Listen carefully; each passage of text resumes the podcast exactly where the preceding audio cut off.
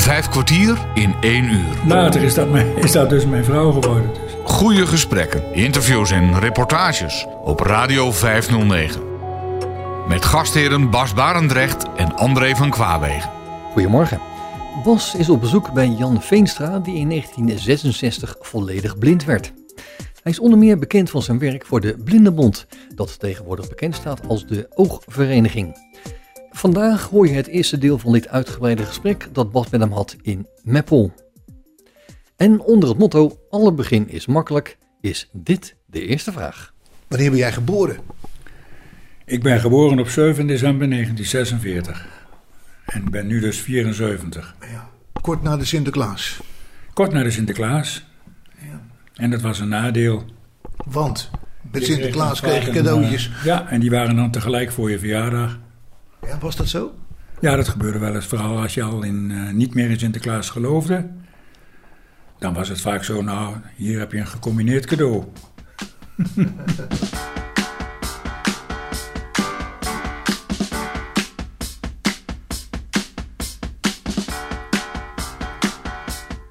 Hadden je ouders het ruim of niet? Ja, mijn ouders hadden het eh, relatief ruim. Mijn vader die had eh, vlak na de oorlog had hij een pand gekocht in Meppel. En daar is hij een brood- en banketbakkerij begonnen. Trouwens, dat pand dat werd gekocht voor 5000 gulden. Dus in die tijd was dat een, wel, weliswaar een behoorlijk bedrag. Maar later was dat natuurlijk eh, heel veel meer waard. Ehm, en hij heeft daar een brood- en banketbakkerij gestart. Hij deed dan het brood en banket. Dat bakte hij. Hij bracht het ook rond. Hij ventte de klantenbelangers. En mijn moeder, die deed de winkel. En het dienstmeisje zorgde voor ons. Dus je bent eigenlijk meer door het dienstmeisje opgevoed. Nou, opgevoed niet hoor. Ik zeg het ook een beetje gekscherend. Maar zo zat eh, de situatie een beetje in elkaar. Maar je begrijpt wel, als je zo'n eh, zelfstandige bent... dan heb je het wel relatief goed ten opzichte van een heleboel andere kinderen in de buurt. En dat heb je ook zo ervaren.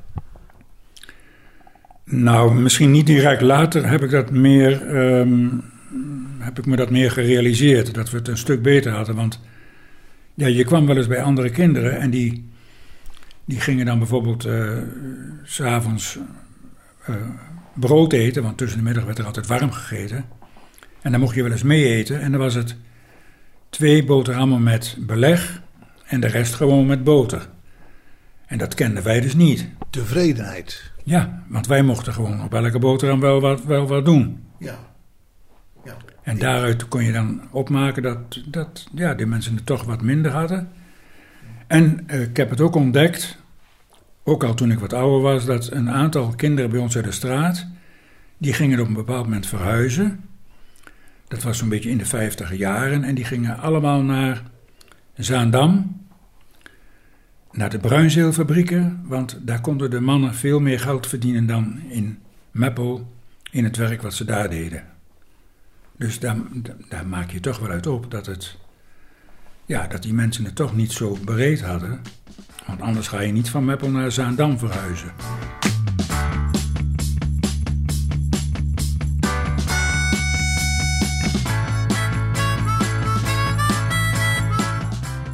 Wat gebeurde er in die tijd hier in deze streek? Nou, er gebeurde eigenlijk weinig.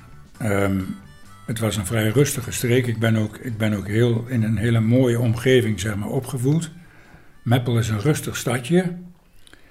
Heeft nu wel behoorlijk veel industrie, maar dat was vroeger ook niet het geval. Het was meer een, zeg maar een forensengemeente voor met name Zwolle.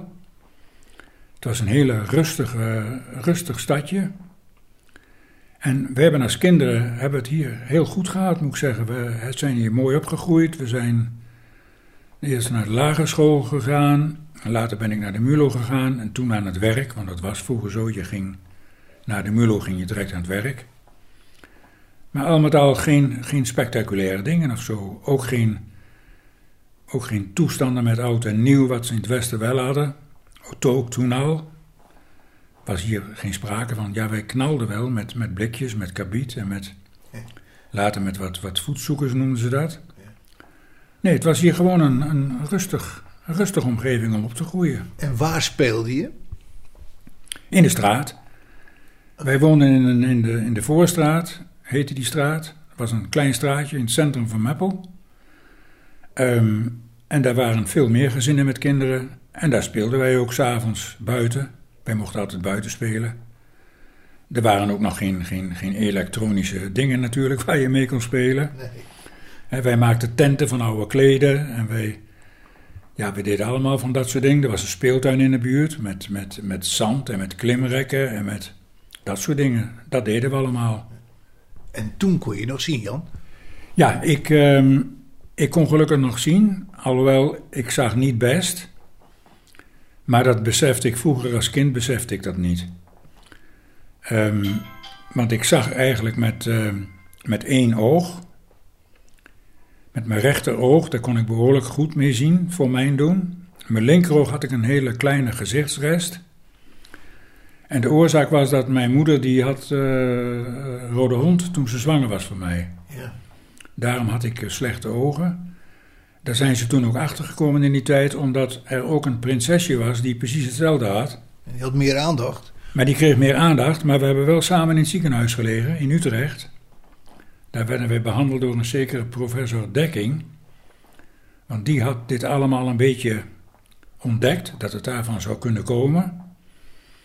En, ehm, nou ja, dus mijn moeder heeft me dat later allemaal verteld natuurlijk. Ja, en mijn moeder die heeft niet ehm, de, de hulp in, in, in, eh, ingeroepen van, van Greet Hofmans, wat de koningin dus wel deed. Was iets duurder.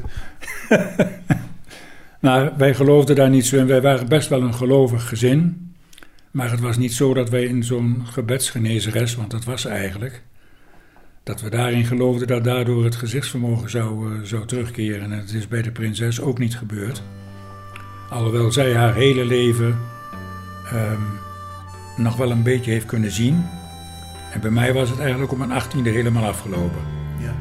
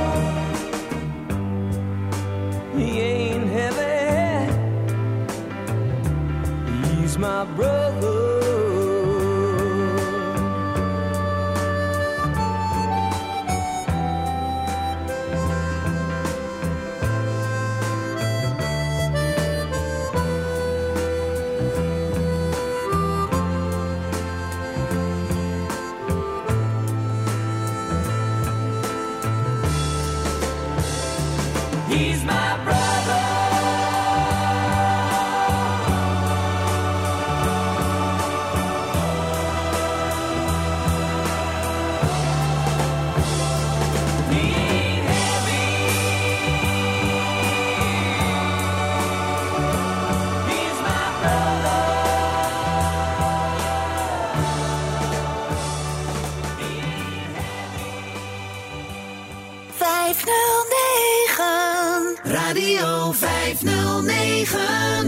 hoe heb je dat ervaren in die tussentijd, tot je achttiende? Nou kijk, tot mijn achttiende, ik, ik eh, werd geboren met twee slechte ogen. Het rechteroog, wat ik net al zei, was nog ietsje goed. Het, voor- mijn doen dan, kon ik daar behoorlijk goed mee zien. Het linkeroog was, was redelijk slecht. Nou, ik was geen makkelijk kind, op school ook niet. Ik was, ja, noem me maar rustig een belhamel. Je deed alles. Ik deed van alles en op een bepaald moment toen, toen zat ik in de eerste klas van de lagere school en toen... ehm, ik mocht altijd de bank uitlopen om op het bord te kijken, anders kon ik niet lezen wat er op het bord stond. Ja, en op een bepaald moment denk ik dat die juffrouw daar een beetje geïrriteerd door raakte, want op een bepaald moment liep ik heel hard de bank uit. En toen haalde ze uit en toen, ja, ze, ze wou mij een tik geven, zeg maar, maar die kwam net op mijn linkeroog terecht. En ehm, ja, toen diezelfde dag nog ben ik naar het ziekenhuis gebracht en hebben ze dat oog verwijderd, want ik had een hele ernstige bloeduitstorting in. Dus vanaf mijn zesde jaar heb ik geen licht meer in mijn linkeroog. En met die juf is het verder goed gegaan?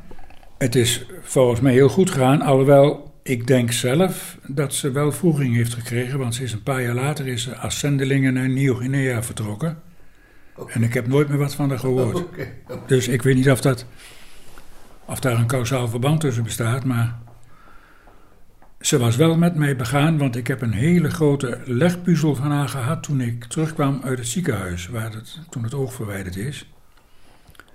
En ik kan me best voorstellen dat ze daar behoorlijk vroeging mee gehad heeft, maar in die tijd deed men daar toch niet zo moeilijk over als dat tegenwoordig zou zijn gebeurd. Ja. Dan eh, was er wel wat anders aan de hand geweest, denk ik. Maar je hebt dus met, eh, met ja, één niet-oog en een andere soepoog... heb je de Mulo ook nog gedaan. Ja, en ik, eh, ik, ik hielp mijn vader ook in de bakkerij. Elke zaterdag moest ik helpen venten. Dat deed ik dan gewoon op een, eh, op een bakfiets met, met, en een mand op de fiets met brood. Ging de klanten bij langs. En ik reed ook gewoon nog, toen ik 16 was, reed ik ook nog gewoon op een brommer. Achteraf gezien was dat natuurlijk wel wat onverantwoord, maar ik heb het wel allemaal gedaan. Dus en ik, ik vind het wel leuk dat ik die ervaringen allemaal heb. Ja. En ehm, de Mulo heb ik nog gedaan. Die heb ik trouwens niet helemaal afgemaakt. Maar dat was wel met veel pijn en moeite. Maar goed, ik kon toen een baantje krijgen als jongste bediende bij een groot kaasbedrijf. En toen ben ik van de Mulo afgegaan en toen heb ik dat baantje genomen. Nou ja, en sindsdien eh, heb, ik toch, heb ik het toch aardig goed gedaan, dacht ik zelf. En hoe kwam je aan die baan? Die baan, daar heb ik gewoon naar gesolliciteerd. Ik kwam van de Mulo af. Ik had, ik had drie jaar op de Mulo gezeten. En toen was ik blijven zitten. En toen had ik eigenlijk geen zin meer om, eh, om naar school te gaan. Toen ben ik, dat was in, in augustus, denk ik, ben ik toen gaan solliciteren.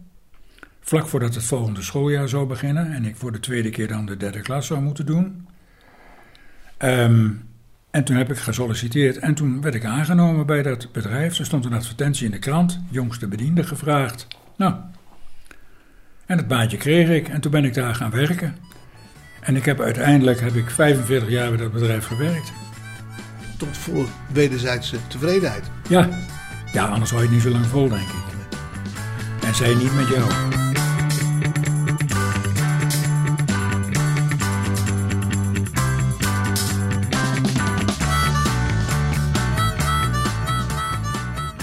Vandaag spreekt Bas Barendrecht met Jan Veenstra. Maar toen moest je ook gerevalideerd.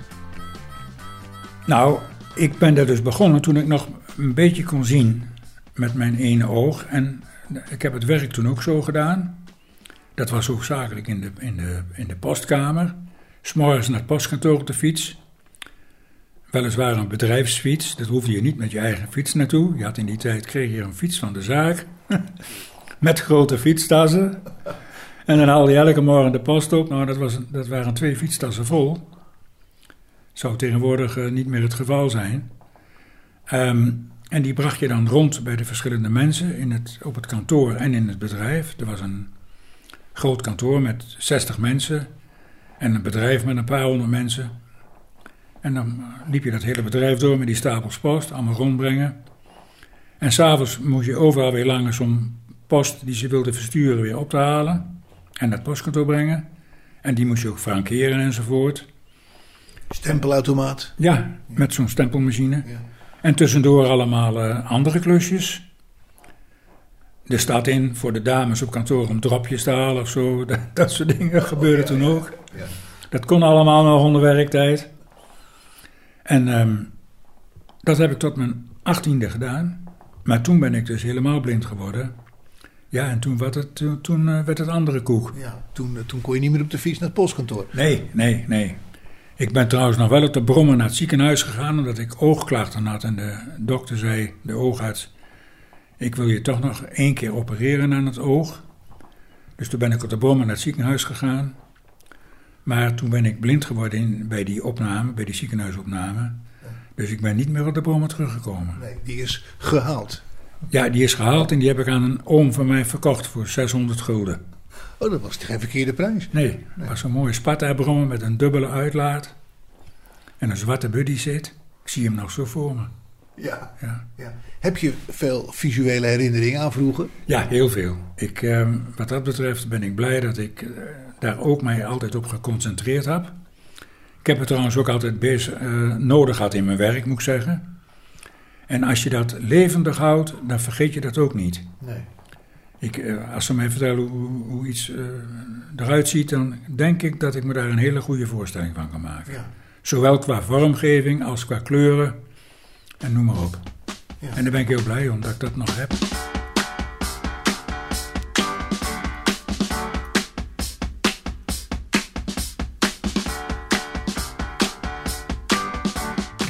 Vijf kwartier in één uur. Nou ja, ik ging dus naar een, revalidatiecentrum naar de Schansenberg.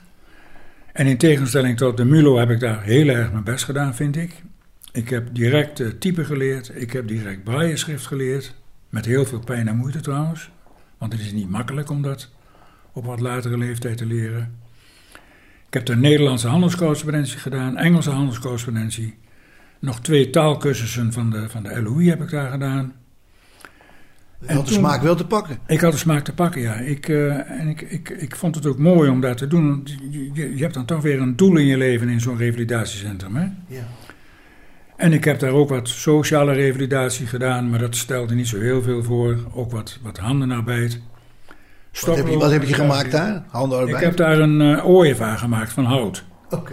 Die werd heel ruw, werd die uitgezaagd uit een plank. En dan moest je zelf met allemaal van die raspen, steeds eh, fijnere raspen. Die, werden, die begon je, je begon heel grof. Ja. En je eindigt heel fijn. En uiteindelijk eindigt je met schuurpapier. En dat ding heb ik nog jaren gehad. Ik, ik heb hem helaas niet meer, maar ik heb hem wel heel lang gehad. Leuk. Ja. Na 22 jaren in dit leven maak ik het testament op van mijn jeugd. Niet dat ik geld of goed heb weg te geven, voor slimme jongen heb ik nooit geducht. Maar ik heb nog wel wat mooie idealen, goed van snit, hoewel ze uit de mode zijn. Wie ze hebben wil, die mag ze komen halen, vooral jonge mensen vinden ze nog fijn. Aan mijn broertje dat zo graag wil gaan studeren, laat ik met plezier het adres na van mijn kroeg. Waar ik te veel dronk om een vrouw te imponeren en daarna de klappen kreeg waarom ik vroeg.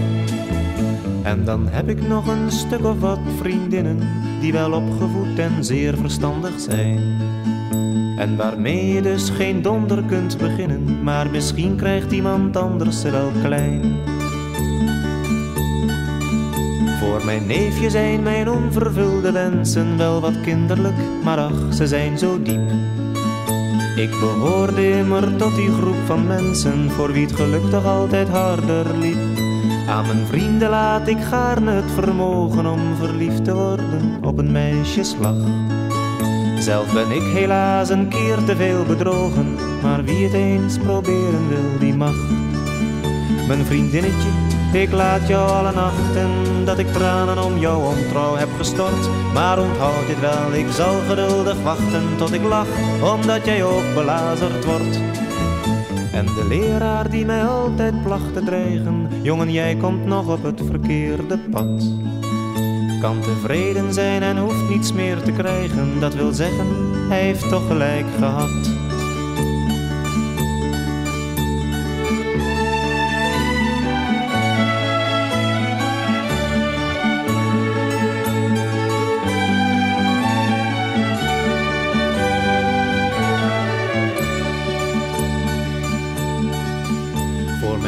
Mijn ouders is het album met de plaatjes die zo vals getuigen van een blijde jeugd.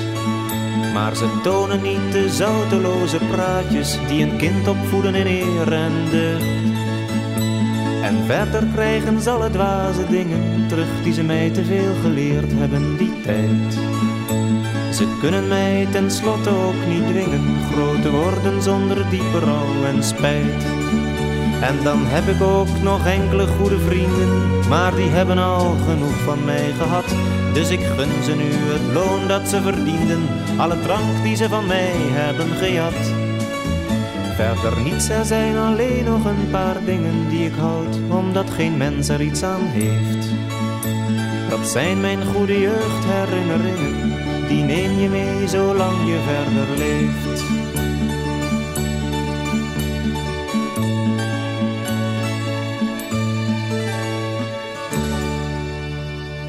Jan, wanneer ben je getrouwd? Ik ben getrouwd in 1966. Oké. Je was er vroeg bij. Ja, ik was, eh, ik was 19. Ja. Ja, En eh, eh, je was dus al getrouwd toen je op de Schansenberg kwam. ja. Ik was net getrouwd. Nee, wacht even. Ik ben... ehm, dan moet ik, moet ik eens even goed in mijn geheugen graven. Ja, we waren net getrouwd. Nee, we waren niet getrouwd. Je wilde trouwen. Nou, maar het is zo, toen ik, toen ik op een... la- la- laat ik dat even vertellen. Toen ik, toen ik op mijn eh, achttiende blind werd... Toen werd ik, eh, werd ik eh, verpleegd door een hele leuke verpleegster... die ik daarvoor ook nog heb kunnen zien toen ik opgenomen werd. Toen ik met die bommen naar het ziekenhuis ging. Die heeft mij daar dus opgevangen en die heeft mij daar wegwijs gemaakt. Nou, en ik was wel aardig bekend in het ziekenhuis... want ik werd ongeveer gemiddeld één keer in de halve twee jaar geopereerd... om het gezichtsvermogen steeds wat te verlengen. Ja. En ehm, later is dat, mijn, is dat dus mijn vrouw geworden. Dus die heb ik dus ook nog kunnen zien. Oké. En toen heb ik haar dus ontmoet. En ik ben naar de Schansenberg gegaan. En in de periode dat ik op de Schansenberg zat, zijn we getrouwd. Want het schiet me nou ineens te binnen. Want ik heb hier in huis op tafel heb ik nog een koperen... ehm, ik weet niet hoe zo'n ding heet, met zo'n lange steel eraan staan. Ja. Daar zat een prachtige plant in. Dat is nu een heel antiek ding. En dat heb ik nog van de mensen op de Schansenberg gekregen... die ook op de bruiloft zijn geweest om dat aan te bieden. Oké. Dus ik zat al op de Schansenberg toen ik nog ongetrouwd was. En in die periode dat ik er zat, zijn we getrouwd. Ja.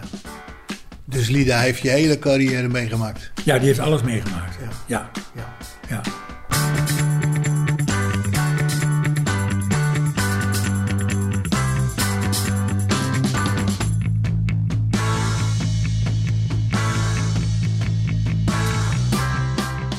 Heb je veel aan een ziende partner? Ja, ik, ik, ik durf rustig te zeggen dat ik, eh, dat ik alles aan mijn ziende partner zo'n beetje te danken heb. Want je kunt niet zonder een ziende partner. Ik moet wel zeggen dat het tegenwoordig allemaal wat makkelijker is geworden. Maar vroeger, elk briefje wat thuis binnenkwam. Want je, je snapt wel, de hele samenleving was natuurlijk gebaseerd op kunnen zien. Dus het, dat werd allemaal voorgelezen. Ja. Nou, dat, dat, als je een, een blinde partner hebt, dan kan dat niet. Nee. Het is nu natuurlijk een stuk gemakkelijker geworden met, met digitale hulpmiddelen. Maar vroeger was het natuurlijk niet zo. Nee. Dus ik, ik durf rustig te zeggen dat ik alles aan mijn partner te danken heb. Ik heb ook heel veel vrijwilligerswerk gedaan waarvoor ik vorig jaar eh, of twee jaar geleden ben, ben onderscheiden. Ik heb daarvoor een ridderorde gekregen, maar ik heb toen ook direct gezegd: die is niet alleen voor mij, maar ook voor mijn partner. Ja. Ik denk dat het eh, terecht is, ja. Ja, Vijf kwartier in één uur. Bas Baardrecht spreekt met Jan Veenstra. De heer Veenstra vertelde daar straks dat hij vanwege zijn oogaandoening, die hij overigens opliep door het feit dat zijn moeder tijdens de zwangerschap de rode hond opliep, op zijn achttiende terechtkwam in het revalidatiecentrum De Gansenberg, waar hij leerde om met zijn oogaandoening om te gaan. Hij vertelt nu hoe hij, na de revalidatie, op zoek ging naar werk. Op Radio 509. toen moest ik eigenlijk weer aan het werk. Ehm, maar het was niet zo dat je dan zomaar weer jongste bediende kon zijn, want dat kon niet. Daar moest je toch behoorlijk voor kunnen lezen en al die, dat soort dingen meer. En mijn werkgever die was er ook niet van overtuigd of die wel met een blinde in zee wilde. Want? Ik Want? heb eerst, ja, het is een beetje, een- kijk, het is zo gegaan. Ik had een maatschappelijk werker van de AIB, was dat vroeger, de, alge- de Stichting Algemene en Individuele Blindenbelangen. Die hadden door het hele land maatschappelijk werkers. Ja. Ik werd ook toe, be- eh, eh, doorverwezen naar een van die maatschappelijk werkers. Ik had trouwens een maatschappelijk werkster, juffrouw Schuitema, ik vergeet de naam nooit meer. Nou, ik moet je zeggen, ze heeft eigenlijk, misschien mag ik dat niet zeggen, maar ze heeft niks voor mij gedaan. Helemaal niks. Nee. Ze kwam wel heel vaak langs om te vragen hoe het met me was. Ze kwam zelfs wel eens op de Schansenberg. Ze kwam bij mijn ouders thuis. Maar ze deed niks. Dus ik, wat ik op een bepaald moment gedaan heb, is het volgende. Ik heb een brief geschreven naar de, het bedrijf waar ik gewerkt heb, als jongste bediende. En ik heb gevraagd of ik eventueel terug zou kunnen komen. En ik heb ook gezegd van, ehm, want ik had ja, via via gehoord ja, dat men het misschien niet zag zitten. Waarom wist ik ook niet met een blinde. Dus ik heb gevraagd, ik zou jullie graag willen laten zien wat er allemaal mogelijk is. Ja. Dus ik heb ze eigenlijk gewoon uitgenodigd om op de Schansenberg te komen. Ja. En deden ze dat? En dat hebben ze gedaan. Geweldig. Dus er is een, ehm, er is een eh, de, de hoofdpersoneelszaken is geweest en de directeur. En die zijn op de Schansenberg geweest en die zijn er een hele middag geweest en die, ik mocht ze zelf rondleiden. En ik ben overal met ze geweest in het, in het braille-leslokaal, in het lokaal van juffrouw Forster, de typlerares. Ja. Juffrouw Smit was trouwens de braille-lerares. En bij juffrouw Van Drunen, waar ik Engelse les en alles heb gehad. En ik ben in het handenarbeidlokaal. Ik heb, nou ja, kortom, ik ben overal met ze geweest. Er was ook nog een werkplaats. En ik heb ze verteld wat ik daar allemaal geleerd had. En ehm, ze, ze zouden het overleggen. En je was En- toen 20 jaar of zo? Ik was toen, ik denk nog 19. Want ik ben direct nadat ik uit het ziekenhuis kwam, ben ik al naar de Schansenberg gegaan. Maar zo'n beetje, zo'n beetje op, de, op de rand van 19 naar 20.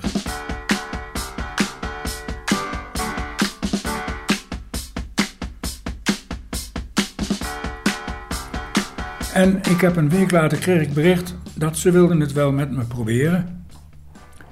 En ik kon dan op de correspondentieafdeling komen, want vroeger hadden bedrijven, het was een kaasexportbedrijf, en die hadden contacten over de hele wereld en hadden ze een correspondentieafdeling en daar werden de brieven allemaal getypt.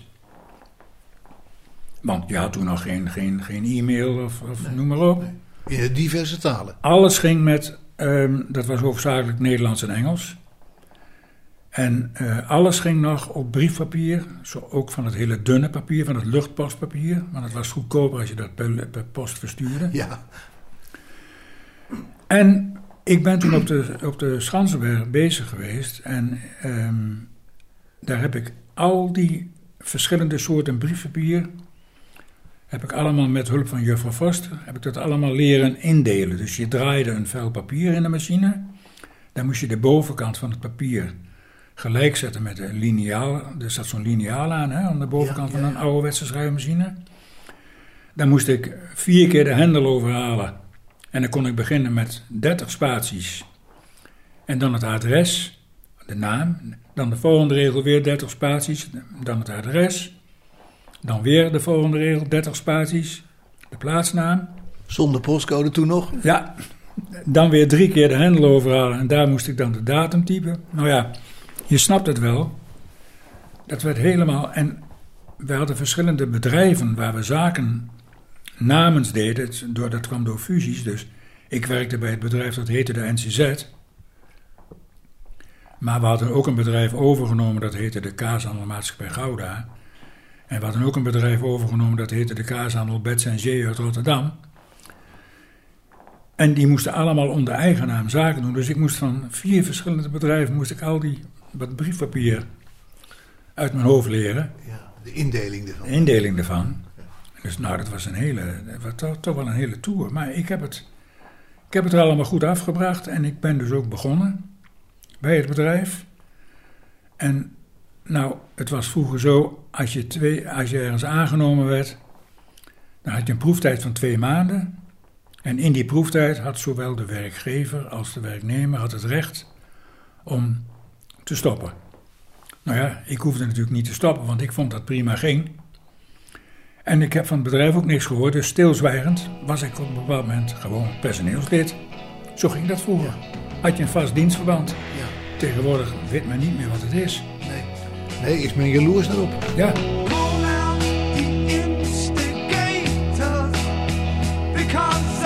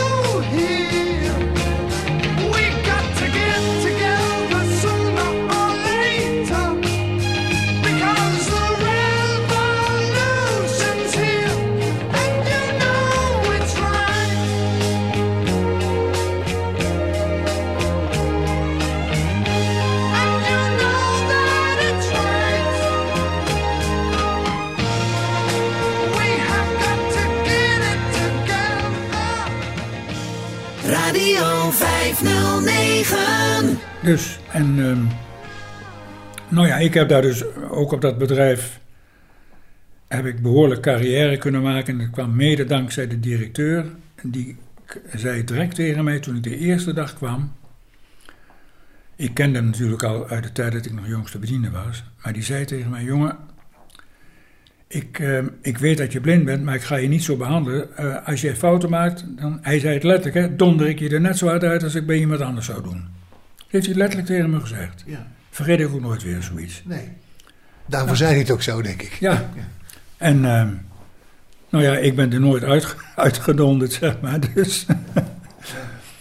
en ik heb behoorlijk, eh, behoorlijk carrière kunnen maken bij dat bedrijf. Ik ben uiteindelijk, eh, na 45 jaar ben ik geëindigd als, eh, als eh, manager PR en communicatie. Dus ik heb behoorlijk wat, wat, wat vorderingen gemaakt. Ja. Via via een heleboel andere functies. ja. Want daar moest je toch ook het een en het ander voor leren, denk ik? Ja, kijk, het was vroeger natuurlijk wel zo. Je leerde het meeste in de praktijk. Ja. Nou, mijn hart is altijd uitgegaan naar de journalistiek. Dus het eerste wat ik gedaan heb toen ik aan het werk was, ben ik bij de LOI, ben ik de vierjarige journalistiekopleiding gaan volgen. Die heb ik met, met goed succes afgerond.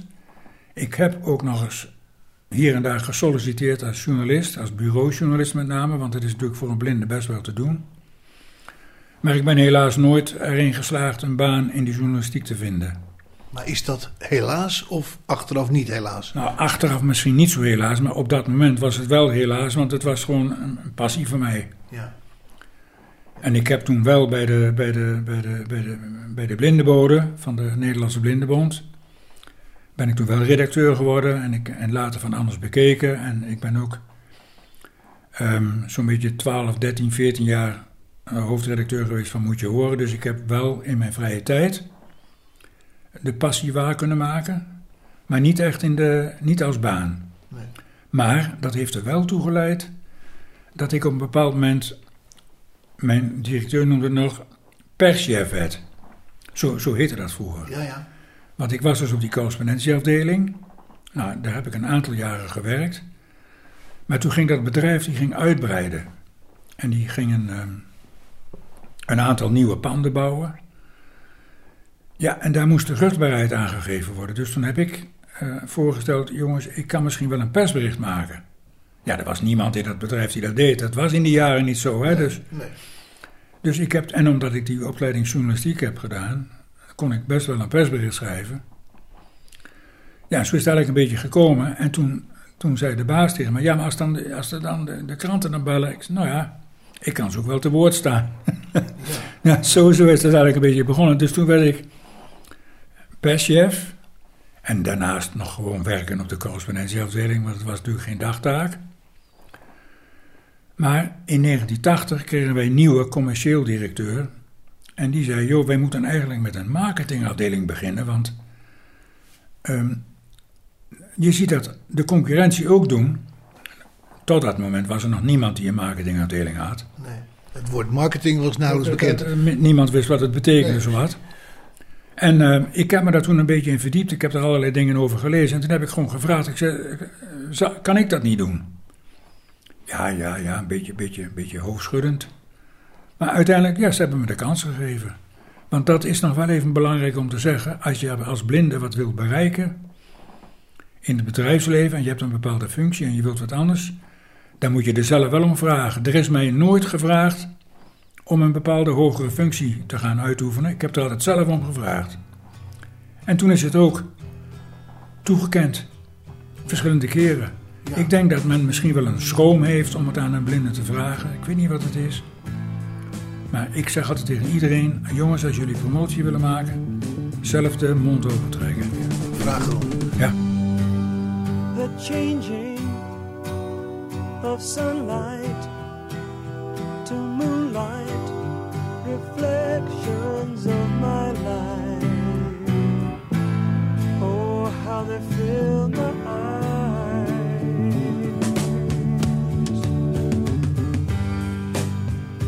Greetings of people in trouble, reflections of my life.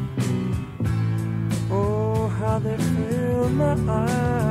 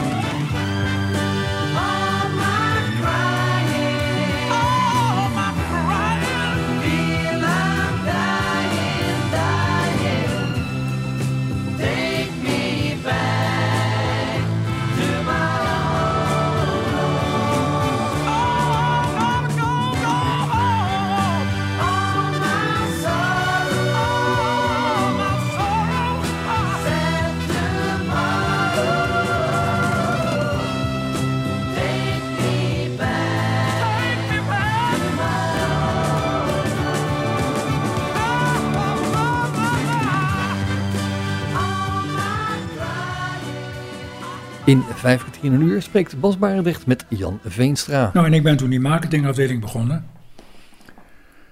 Nou, en dat werd een succes. Dus ehm, ik ben eerst met een inventarisatie begonnen van alle markten waar we kaas aan leverden.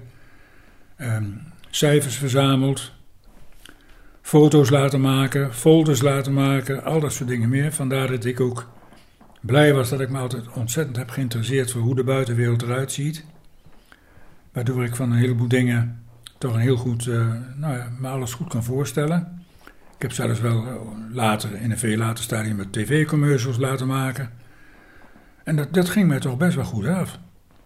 En dat he- heb ik toch mede te danken aan, eh, aan mijn goede voorstellingsvermogen, denk ik. En die eerste jaren dat je kon zien. Ja, ja dat is natuurlijk eh, de, de, de bakermat van alles. Ja. Als dat, als dat niet zo was, dan had dat nooit gekund.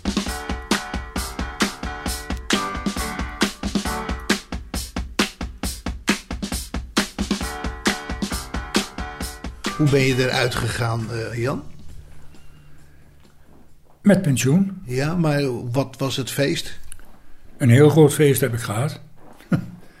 Dat was in een, ehm, in een soort omgebouwd, of, eh, eh, hoe noemen ze zo- zo'n, ehm, een, een heel groot buiten in Havelte. Daar, hadden ze een soort, daar is ook eens een hogeschool in gevestigd geweest, er is van alles in gevestigd geweest. Dat is van huis uit een soort kasteel achter iets, heel mooi pand, midden in de bos. Hebben, hebben we een heel groot afscheid gehad. Is, eh, een kleine 300 man is daar geweest. Zo. Allemaal zakenrelaties uit binnen- en buitenland. En die hebben nou, allemaal afscheid van mij genomen. En ik ben s'avonds met een, ehm, met een klein groepje naast de collega's en familie... zijn we nog ergens lekker wezen dineren. Ja, dat was het. Leuk. Ja, dat was in 2006. Dus ik ben dus al eh 14 jaar met, eh, met pensioen. Ja. Want ik kon er gelukkig nog op 60-jarige leeftijd eh, kon ik, eh, met pensioen. Ja. Dat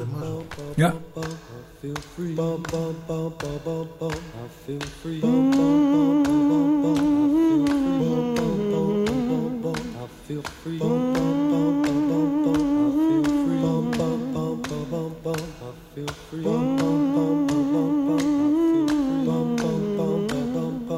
Ja. Feel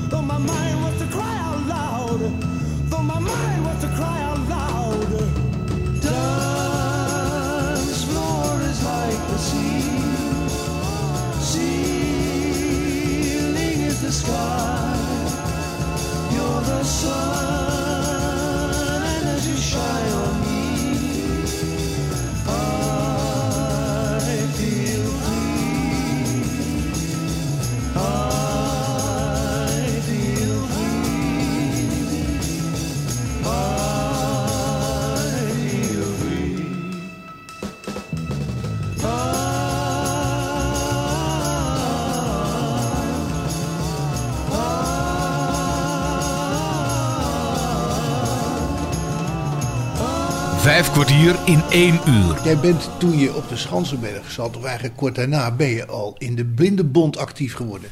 Ja, ik, ehm, ik, ik ben ook al op mijn negentiende zelfs ben ik al actief geworden in de Blindenbond. Ik ben direct lid geworden van de Nederlandse Blindenbond toen ik blind werd, want ik wilde toch weten wat er allemaal voor mogelijkheden waren enzovoort enzovoort. Maar ja, toen kwam ik een keer op een vergadering en toen heb ik een keer wat gezegd. En als je een keer wat zegt, dan word je gelijk gevraagd om in, in het bestuur Ja, ja. Zo ging dat. Dus, en ja, er ging ook net iemand weg. Dus ik ben toen, eh, ik ben toen al heel jong voorzitter geworden van de Nederlandse Blindenbond afdeling West-Overijssel. Was dat in die tijd. ja. Dat is Meppelink eh, zijn afdeling. Juist, Meppeling was, eh, was secretaris. Ja. Jan Meppeling, helaas, hij is niet meer onder ons. Die was secretaris en ehm, ik werd toen voorzitter. En Greet Kok, misschien ken je die naam ook Ja. nog wel, is helaas ook niet meer onder ons. Nee. Die, was, eh, die was secretaresse. Of die was, eh, nee, sorry, ehm, die was bestuurslid. Maar die heeft mij bij de bond gebracht eigenlijk, want die woonde in Meppel. En toen ik blind werd, blind werd, toen kwam haar man al een keer bij ons aan de deur, Henk, Henk Kok. Ja. En die heeft mij toen nou, een beetje lid gemaakt van de, van de Nederlandse Blindenbond. En Greet zat dus ook in het bestuur.